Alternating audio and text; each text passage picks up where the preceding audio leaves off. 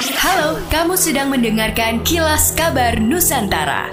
Podcast persembahan KG Radio Network menyajikan berita harian yang mengangkat keunikan dari berbagai wilayah Indonesia. Kilas Kabar Nusantara dapat juga didukung oleh pengiklan loh.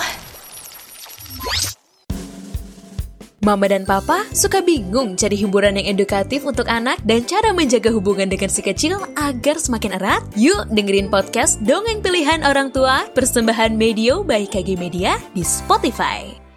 Hingga September 2022, Sulawesi Selatan telah menyuplai kebutuhan beras kira 120 ribu ton ke provinsi lain. Angka ini menempatkan Sulawesi Selatan sebagai pemasok komoditi beras terbesar di Indonesia. Pimpinan wilayah Bulog wilayah Sulsel Bar Bahtiar AS menyampaikan selain Sulsel, daerah lain yang menjadi pemasok beras di Indonesia saat ini antara lain Jawa Timur, Jawa Barat, Jawa Tengah, NTB, Lampung, dan Sumatera Selatan. Sementara daerah-daerah yang menerima beras dari Sulawesi Selatan di antaranya DKI Jakarta, Aceh, Sumatera Utara, Utara, Riau, Kalimantan Barat, Kalimantan Tengah, Kalimantan Timur, Kalimantan Utara, Kalimantan Selatan. Beras sulsel juga dikirim ke Papua, Papua Barat, Maluku, Maluku Utara, Sulawesi Utara, Gorontalo, dan beberapa daerah lainnya. Bahtiar menuturkan sulsel akan terus menyuplai kebutuhan daerah lain hingga akhir tahun. Adapun stok beras sulsel yang ada di Bulog saat ini mencapai 130 ribu ton lebih. Stok tersebut dinilai masih cukup sampai dengan akhir tahun ini. Apalagi pihaknya terus melakukan pembelian beras petani untuk stok cadangan beras pemerintah atau CBP. Dua kasus kekerasan secara fisik di lingkungan satuan pendidikan kembali terjadi pada salah satu SMK di Jember Agustus kemarin dan sebuah SMA di Sidoarjo, Jawa Timur yang mengakibatkan seorang siswa kelas 10 dan seorang siswa kelas 11 meninggal dunia.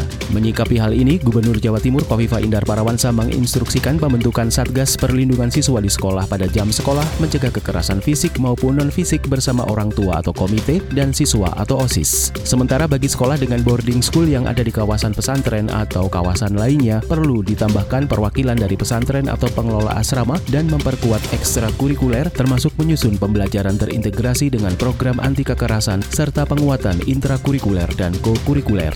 Sahabat Sonora di hari jadinya yang ke-212 tahun, Kota Bandung terus melakukan pembangunan di mana pemerintah Kota Bandung memastikan akselerasi pembangunan dilakukan sebagai upaya untuk mesejahterakan warga Kota Bandung berkoordinasi dengan pemerintah pusat dan provinsi agar juga pembangunan berjalan dengan lancar. Sekda Kota Bandung, Emma Sumarna mengatakan bahwasanya salah satu pembangunan yang tengah dikoordinasikan dengan pemerintah provinsi dan pusat dalam waktu dekat ini adalah percepatan pembangunan Bandung Intra Urban Toll Road dan itu dimulai dari gerbang tol Paster sampai dengan Cibiru. Selain itu pula pemerintah Kota Bandung juga meminta kepada pemerintah pusat agar gerbang tol kilometer 149 atau interchange Gede Bage ke Jalan Soekarno-Hatta dapat segera dibuka dan beroperasi sebagai bentuk pengurangan kepadatan trafik di kawasan Bandung Timur. Terungkapnya dugaan suap penanganan perkara di Mahkamah Agung yang melibatkan Hakim Agung menguatkan indikasi saat ini negara dalam keadaan darurat peradilan dan peradaban hukum. Pembenahan peradaban hukum secara menyeluruh mendesak untuk dilakukan. Mantan Hakim Agung Tegayus Lumbun mengatakan penahanan terhadap Hakim Agung bisa menjadi isu yang tidak saja menggemparkan masyarakat di dalam negeri, tapi juga secara internasional.